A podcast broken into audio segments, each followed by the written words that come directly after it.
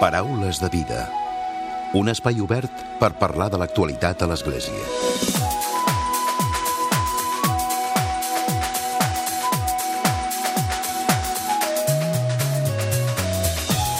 Què tal? Salutacions i molt bon dia, molt bon diumenge. Càritas Catalunya ha presentat aquesta setmana l'informe sobre exclusió i desenvolupament social.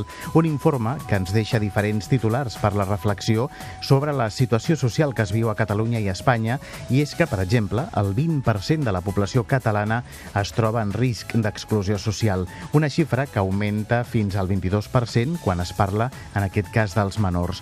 A més, l'elevat preu de les despeses, per exemple, en habitatge, condemna condemna a 944.000 persones a viure en pobresa severa. Una altra qüestió, preocupant també, que ens mostra aquest informe, que ha estat elaborat per la Fundació FOESA a mitjans del 2018, és que un 10% de la població catalana ha deixat de comprar medicines i seguir tractaments a causa de problemes econòmics. Dit en altres paraules, la situació econòmica és tan severa que moltes llars no es poden permetre ni tan sols posar-se malalts. Durant la presentació d'aquest informe, l'arcabisbe de Barcelona, Joan Josep Omella, destacava que la desigualtat és contrària a la justícia social, a l'equitat i a la pau social. I ha demanat, això sí, a la societat que treballi en favor dels més pobres. En parlem de tot plegat i ho fem de seguida amb el Luis Miguel Luna. Ell és el secretari de Presidència i Comunicació de Càritas Catalunya.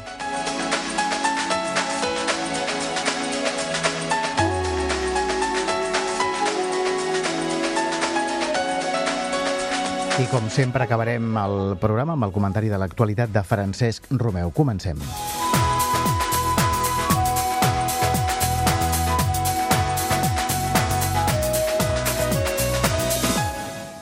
Luis Miguel, bon dia i benvingut al Paraules de Vida novament. Molt bon dia, moltíssimes gràcies. Sempre és un plaer venir al programa. Compartir amb tu estones de ràdio. Luis Miguel, hem parlat a la portada de moltes xifres, de moltes tendències, una situació de desigualtat és en el que es resumeix, no? i que cada vegada més part de la població catalana doncs, està patint aquesta desigualtat. Sí, efectivament, eh, el que mostra aquest informe, o sigui, hi ha, hi ha el que s'anomena el vuitè informe FOESA, eh, que la FOESA és una fundació de Càritas, i llavors doncs, aquest informe, vuitè ja, ens mostrava doncs, que estem parlant de que a l'estat espanyol hi ha 8,5 milions de pobres, una situació que curiosament ja va, ja va denunciar en el seu moment la Fundació FOESA a 1995, és a dir, que és una situació doncs, que, com veiem, han passat els anys i no hem aconseguit reduir. Però, dins, de, a part d'aquest gran informe, s'han fet informes territorials per a les diverses comunitats autònomes. I llavors, nosaltres el que hem presentat és la segona onada del que seria aquest informe sobre exclusió i desenvolupament social a Catalunya. I llavors aquí el que es posa de manifest, com, com molt bé deies, doncs és que doncs, tenim pràcticament un 20% de la població, estem dient un milió i mig de persones que estan en situació de pobresa i exclusió. I el que destaca molt sobre l'informe a nivell de l'estat espanyol, sobretot és que a Catalunya augmenta la pobresa severa. O sigui, ens està augmentant la pobresa severa. Sí que ha remitit la pobresa moderada. Sí que és cert que a Catalunya, eh, de, després de la crisi, hi ha hagut molta gent que s'han sortit però en canvi la que està malament ho està passant És a dir, que la, la més pobra, més, més pobra, està encara més pobra. Efectivament, efectivament. Estem en unes situacions amb les que sobretot doncs, podem parlar de, de quatre grans problemàtiques, no? Una problemàtica està al voltant del que seria, com deies molt bé, el tema de l'habitatge. Una altra de les grans problemàtiques és el, el, el treball, el treball precari, absolutament temporal, sense garanties, etc. Després també aquesta situació de precarietat està incidint molt en la salut de les persones i també un altre fet que destaca bastant respecte a l'informe a nivell estatal és l'aïllament, sobretot l'aïllament de les persones grans. Aquí també destaca més que en altres comunitats autònomes. El de la soledat. La... Sí, efectivament. O sigui, eh, nosaltres ja alertem, ja estem alertant que si torna a haver-hi una altra crisi, eh, la xarxa familiar, la xarxa d'amics i tot això ja no aguantarà És a dir, hi ha hagut gent que ha pogut superar aquesta crisi gràcies a que la família els ha ajudat, és a dir, gràcies a que eh, doncs, els avis, per exemple, doncs, degut a, gràcies a les seves pensions, doncs, han pogut acollir nens o han pogut passar uns diners doncs, als seus fills i filles. O bé que en situacions de, de molta debilitat, de molta fragilitat, doncs, hi ha hagut amics o amigues que, escolta, doncs, han compartit recursos. Això si arriba amb una altra crisi ja tenim, tenim identificat que aquesta xarxa ja no podrà donar més de sí, per tant es, es produiria una crisi social molt important. I això està afectant molt a les persones grans perquè hem de tenir en compte doncs, que a Catalunya doncs, encara tenim moltes persones que reben una pensió no contributiva i per tant, doncs, amb, amb el nivell de la vida que es té sobretot a les grans ciutats, una altra de les coses que hem detectat, la territorialització de l'exclusió social a Catalunya, és a dir, en tots els municipis de més de 100.000 persones, la pobresa és més extrema. En canvi, en municipis que estan per sota dels 50.000 està més continguda, no? Uh -huh. Doncs clar, una persona gran que, amb una pensió no contributiva que se'n vagi cap a 400 i pico d'euros mensuals, si no ha de pagar lloguer, encara, encara, encara. Però si ha de pagar un lloguer realment és, és, és molt difícil, no? Mm. I llavors doncs, també assistim a una, a una societat que cada cop és, és, és més, més individualitzada, cada cop és més individualista, cada cop tothom mira més pels seus interessos, s'està perdent força el sentit de comunitat. Tot i que cal dir doncs, que diem que aquestes xarxes familiars, aquestes xarxes amicals, doncs estan ajudant molt a combatre les situacions de pobresa. Uh -huh. Jo recordo entrevistes o converses amb tu, Luis Miguel, de potser fa 7, 8, 9 anys, i ja parlaves, ja apuntaves a que el tema de la vulnerabilitat social aniria creixent, el de l'exclusió social, el risc no? d'exclusió de, social, i dèiem, potser ara una persona que té una feina, doncs d'aquí a uns anys segurament tindrà problemes. I ara, al final, ja s'ha fet realitat això, no? O sigui, sí. La prospecció que fèieu, no?, de futur? Sí, una de les, una de les coses que en parlàvem, eh, ja, ja es començava a parlar del fenomen de la, dels, eh, dels... O de tenir feina però no arribar. Exacte, dels treballadors pobres, aquest fenomen, no? Clar, eh, l'altre dia, dimecres, quan fèiem la roda de premsa de presentació, doncs vam donar un exemple, no? Ara imaginem-nos que hi ha una unitat familiar de quatre persones amb la que treballa una, una persona de les quatre, sigui l'home o sigui la dona però que tenen uns ingressos, doncs, per exemple, posem pel cas doncs, de 1.200 euros, no? Clar, si resulta que han de pagar una habitació de lloguer o, o han de pagar un lloguer, posem un lloguer de 900 euros, que és el normal, un, normal el, més baix a Barcelona, clar, aquesta família de quatre persones els hi queden 400 euros per passar el mes, si cobren 1.200. Clar, Eh, aquí és on te parles de la xarxa familiar, no? O, o de Càritas sí, o bueno, clar, o sigui, aquí doncs, aquestes persones que són treballadors, abans el treball donava seguretat i era un dels elements fonamentals per no caure a l'exclusió. Ara pots tenir treball, però si és un treball que és precari, vull dir, tinguem en compte que hi ha contractes laborals de dilluns a divendres i que el dissabte i el diumenge ja no estàs contractat i el dilluns tornes a tenir un contracte. Llavors, clar, aquesta temporalitat com pot ajudar als projectes de vida personals? Tu no pots fer inversions perquè tu no saps si la setmana que ve continuaràs treballant o no. Després també, eh, situacions més normalitzades, no? però la situació dels autònoms. Mm? Doncs clar, evidentment doncs, eh, hi ha moltíssimes persones doncs, que són autònomes. Si l'Estat no les ajuda, doncs llavors, escolta, quines seran les prestacions que rebran en el futur a nivell de pensions? no fa, poc, no, o sigui, no, no fa gaire temps doncs hi, ha, hi havia molts autònoms que tenen un problema quan es posen malalts perquè clar, doncs llavors no tenien tantes cobertures. Ha millorat una ha mica, millorat. ha millorat una mica, però escolta... Però és no per llançar coets. Però no és per llançar coets, eh? I, i després continua havent-hi, dins, de, dins del que és la societat catalana, dins del món del treball, una part molt important d'economia submergida. Eh? Llavors, tot allò que dèiem fa temps, no? Aquelles persones que ara, a l'anar laboral, cotitzin poc, quina pensió tindran en el futur? Llavors, eh, començarem a veure que persones que han viscut amb una certa normalitat, quan arribin la seva edat de jubilació, segurament hauran de trucar a les portes de Càritas, de la Creu Roja o d'altres organitzacions eh, no governamentals, no?, perquè els puguem ajudar d'alguna manera, ja sigui amb aliments, ja sigui amb roba, ja sigui doncs, amb pagament de medicaments, no? La dada Ara que ho dèieu, sí. no? Sí, sí. És que, clar, eh, per exemple, doncs, a, a, a famílies que tenen canalla, els tractaments odontològics no t'entren per la Seguretat Social. Les ulleres no t'entren per la Seguretat Social. I sempre hi ha imprevistos, també, no? Evidentment. Llavors, ara s'ha detectat des de fa temps que la immensa majoria de les famílies, eh, siguin famílies nuclears normals o monoparentals, no poden fer front a, a, una, a, un, a un inconvenient sobtat. És a dir, hi ha famílies que se'ls espatlla la rentadora i no poden comprar una rentadora així, tant, és, així. així. és així. Vull dir, eh, llavors, els que poden, doncs, bueno, la compren a terminis, etc etc. Però ja, ja... O el tema, doncs, que tractem sempre a l'hivern, no? És a dir, temes de calefacció. Són milers i milers i milers de catalans els que aquest, aquest hivern han passat l'hivern sense posar la calefacció en marxa. Per què? Perquè no la, perquè no la poden pagar, perquè és, un, és, és massa per ells.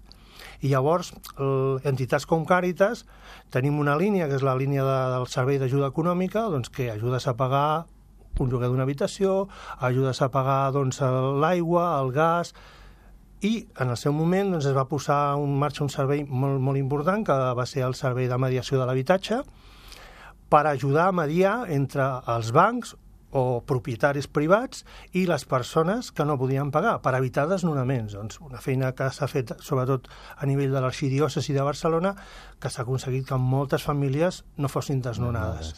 Uh -huh. mm. Sí, vosaltres també el que heu fet és eh, una mica per al cop, no?, de, de molta gent que ho ha passat molt malament amb el tema de l'habitatge, no? Sí, aquest és un, un element que tu, o sigui, malauradament, tens uns recursos limitats Llavors, doncs, eh, per exemple, en el que és l'àrea metropolitana, doncs, eh, a través d'una fundació vinculada a Càritas, que és la Fundació Foment de l'Habitatge Social, doncs disposem d'un parc d'aproximadament entre 200 i pico, 400 pisos. Eh, alguns doncs, ens els lloguen amb uns preus molt bons, altres ens, són pisos que ens han cedit als seus propietaris o han estat donats, uh -huh. però clar, degut a la necessitat existent d'habitatge a preu econòmic, els tens contínuament plens, no? contínuament plens. Llavors, aquesta és una de les grans mancances, vull dir, l'habitatge actualment a Catalunya és un dels factors que fa caure més en l'exclusió social a la major part de la població catalana. Eh? Tot i que sembli que, que potser s'ha millorat, però no s'ha millorat. Bueno, em sembla que ho deies tu a l'inici com a titular. 944.000 persones estan condemnades a viure en pobresa severa per l'elevat preu de l'habitatge. Eh, a Càritas estem veient com hi ha molta gent que té dificultats i ja no viu a Barcelona, però és que ja no viu a Santa Coloma, ja no viu a Badalona. Cada vegada ja... més lluny, no? Sí, tenim gent que, que, que mm, per exemple, està venint cada dia de Vilafranca del Penedès, eh, on estan llogant una habitació perquè tota la, la conurbació metropolitana de Barcelona, els pisos dels lloguers són elevadíssims, ja no parlem de pisos de compra. Eh? Clar. Uh -huh. Després parlarem també de la metodologia, de com s'ha fet o com s'han arribat a aquestes conclusions d'aquest informe, però parlem també del tema de la dona perquè uh -huh. el tema de la dona també és essencial de, dintre de les conclusions no? d'aquest informe. La dona també, doncs, que és la que pateix més eh, la, tota la crisi no? i els seus efectes. Efectivament, o sigui, eh, és clar, una de les coses que ja hem posat nosaltres de manifest, però també hem posat altres organitzacions de manifest, no? això també ho compartim amb altres, amb altres entitats socials, no? és el fet doncs, de la, les diferències laborals. Llavors nosaltres doncs, el titular que donàvem era doncs, que una dona ha de treballar una hora, una hora i mitja més que un home al dia per tenir la mateixa retribució salarial. Però si és que aquesta dona, a més a més, resulta que és una dona immigrada, mm. doncs ha de treballar dues hores més cada dia per tenir la mateixa remuneració. La bretxa s'eixampla, no? Efectivament. I després, eh, una problemàtica molt específica és el de les famílies monomarentals. Clar, eh, famílies que abans doncs, estava l'home i la dona, i amb els, normalment doncs, una família normal de dos fills, que entraven dos sous, clar, en el moment doncs, que la família es desfà, doncs llavors, si la dona es queda, es, normalment es queda amb la custòdia, encara que sigui compartida, però el, el, la canalla viu, viu amb ells, amb ella, perdó, clar, aquesta família que tenia dos sous, ara només en té un. Si compliquem més, si la dona no treballava, ara es troba doncs, amb que ha de, ha de tirar endavant els, les, la, la canalla sense un treball. I llavors, doncs, clar, ha de viure doncs, el que seria la pensió que li pugui passar doncs, a l'exparella però clar, aquesta situació s'agreuja encara moltíssim més, no? I, i llavors, per tant, doncs, clar, eh, les, les dones estan patint cada, cada, cada cop més doncs, aquesta exclusió de gènere, només, de, només perquè siguin Només pel dones, fet de no? ser dona, no? Exacte. Per ser dona i ser mare o tenir càrrecs... Clar, i després, vull dir, o sigui, una dona que ja es troba en una situació doncs, d'aquest doncs, tipus i que té una, un, també uns treballs que, no, que són més, més de tipus eventual, etc etc com pot accedir a habitatges? Després, una altra problemàtica que ens trobem dins del món de l'habitatge i en relació també amb les dones. Molts llogaters, o sigui, molts propietaris, molts propietaris de pisos de lloguer, en el moment que veuen que hi ha canalla, no, no lloguen. Per si després hi ha problemes? Per què? Perquè diuen que fan soroll, que etc etc. Bueno, llavors, clar, venen dones amb, amb les seves criatures que ja no tenen doncs, uh, un pis propi i llavors van a llogar un, i llavors veuen que van amb canalla i automàticament doncs, no es lloguen. Això és el que deies, no?, d'aquesta societat eh, individualista i que no hi pensa, no? Sí, vull dir, o sigui... O que no hi ha consciència. Estem... Jo crec que s'ha perdut una bona part de la consciència col·lectiva, no? O sigui, de la importància de, de, de, de, de veure, de, de, que l'economia doncs, eh, sigui una economia més social, no? És a dir, que la gent també, doncs, no sé, eh, els que ja tenim una certa edat, doncs encara ens en recordem doncs, de que les comunitats de veïns abans ens coneixíem tots.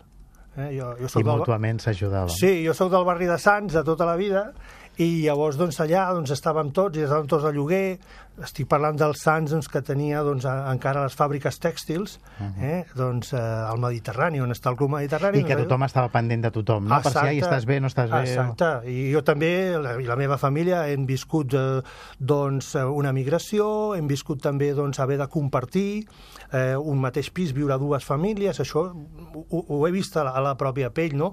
Però llavors hi havia un sentiment de comunitat, no? I, i a lo millor sabies que la veïna o la senyora gran del tercer doncs tenia problemes i t'apropaves, trucaves a la porta, anaves cada dia a veure si es trobava bé, no?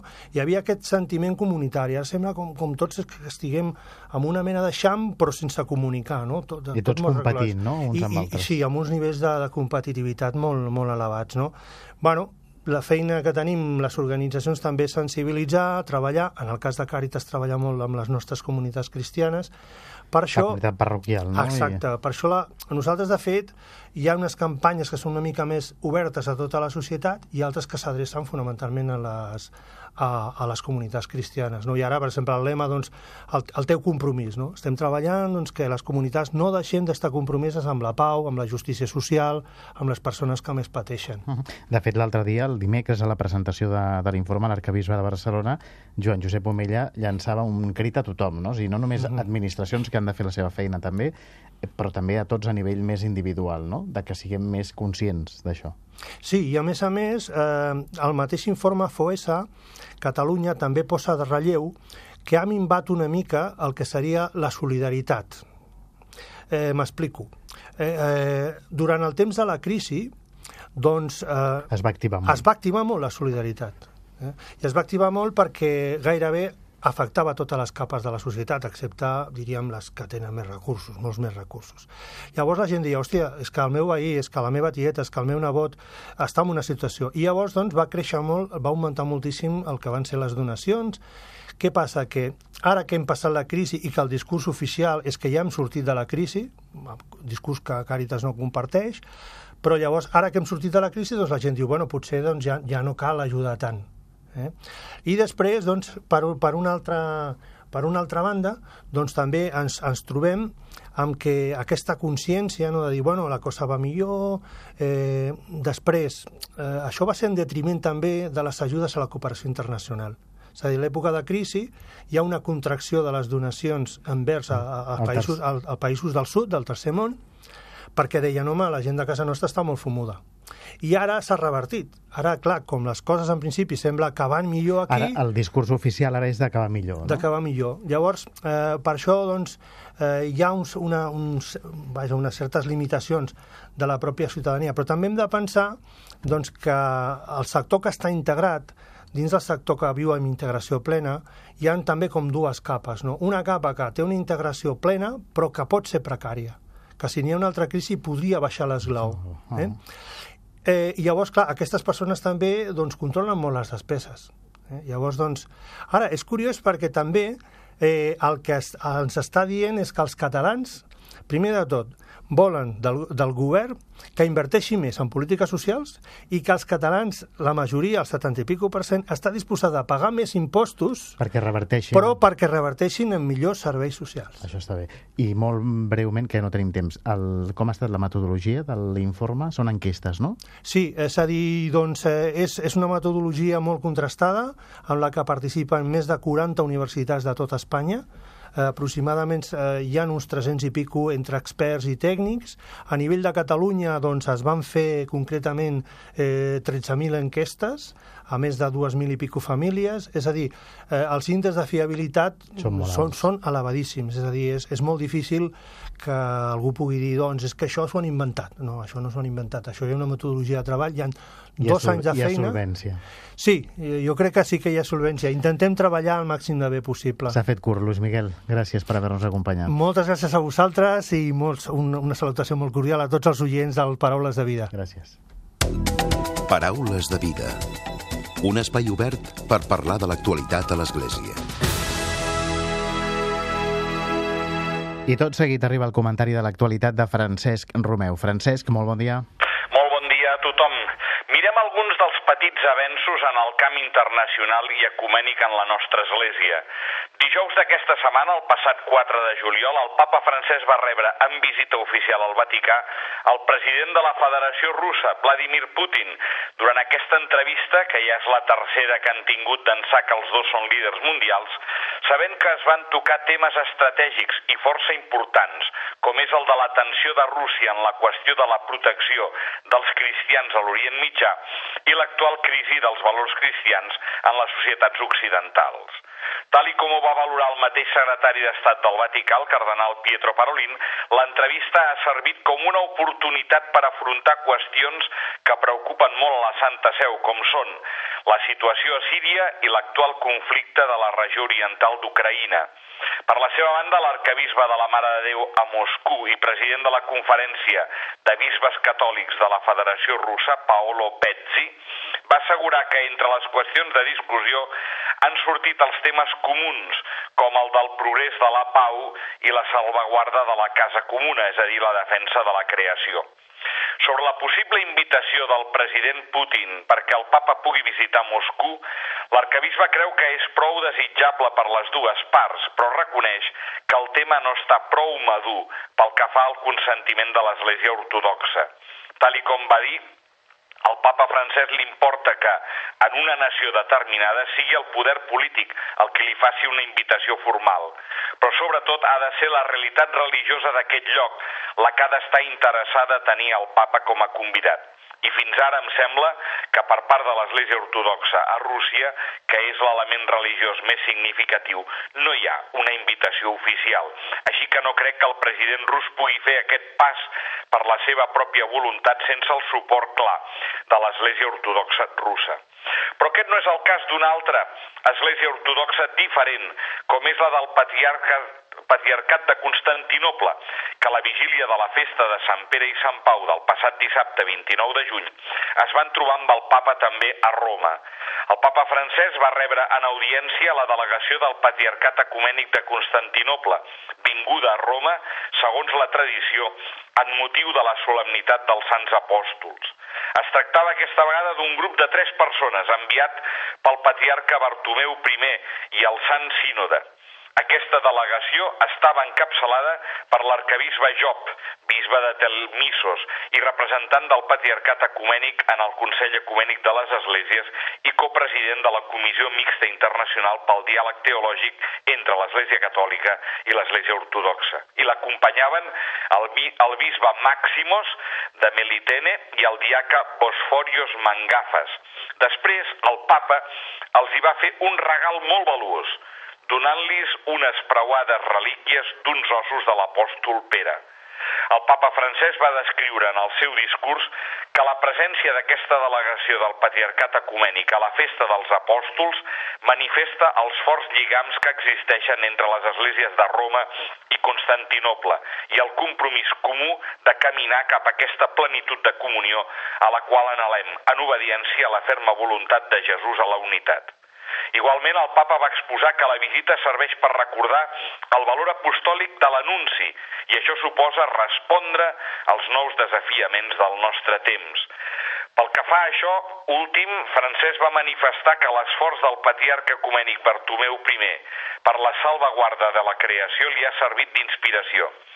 Davant la preocupant crisi ecològica que travessem, promoure la cura de la casa comuna pels creients no només és una urgència que ja no es pot ajornar, sinó una forma concreta de servir als altres en l'esperit de l'Evangeli.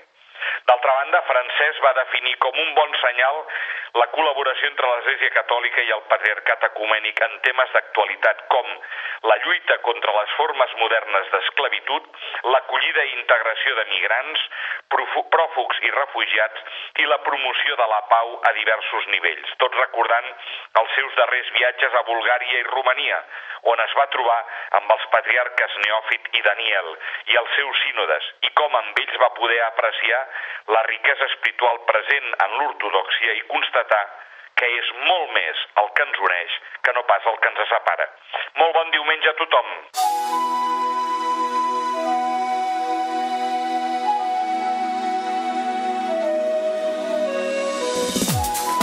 Fins aquí el Paraules de Vida d'avui diumenge. L'Enric Vidal ha estat al control tècnic i qui us ha parlat l'Emili Pacheco. Que passeu bon diumenge i molt bona setmana.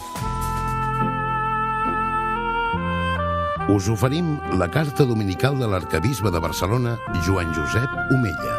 Déu vos guard.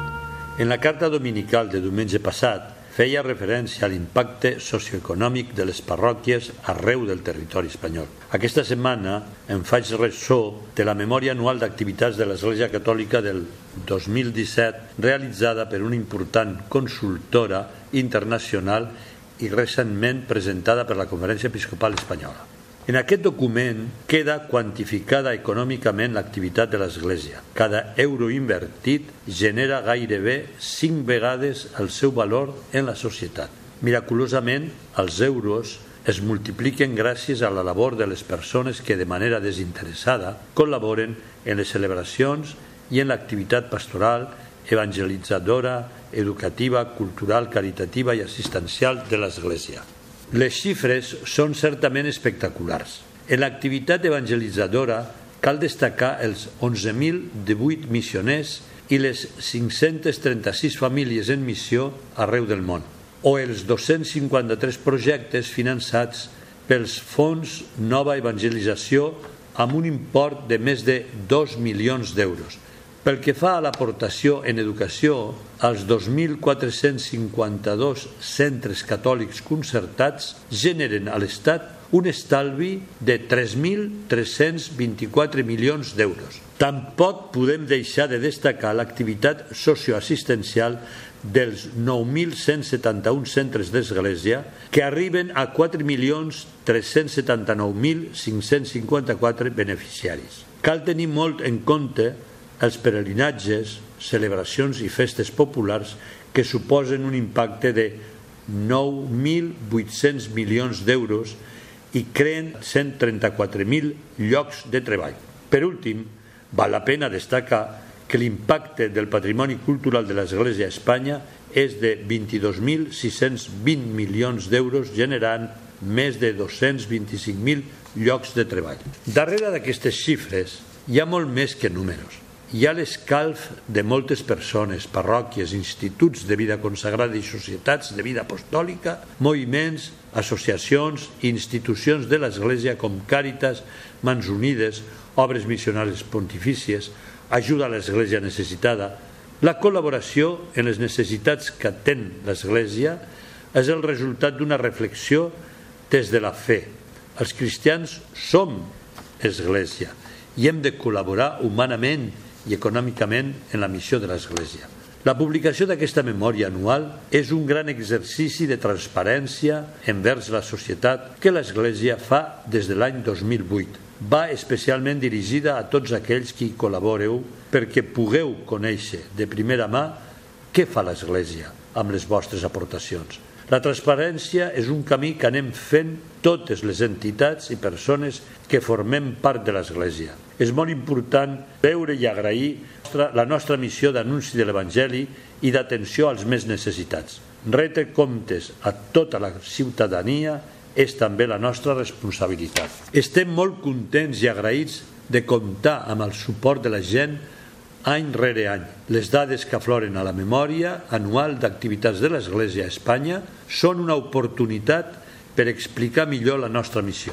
Gràcies novament a totes les persones que aporteu el vostre granet de sònoga. Benvolguts germans, entre tots fem arribar el testimoni de Jesús a tots els racons del planeta. Us hem ofert la carta dominical de l'arcabisbe de Barcelona, Joan Josep Omella.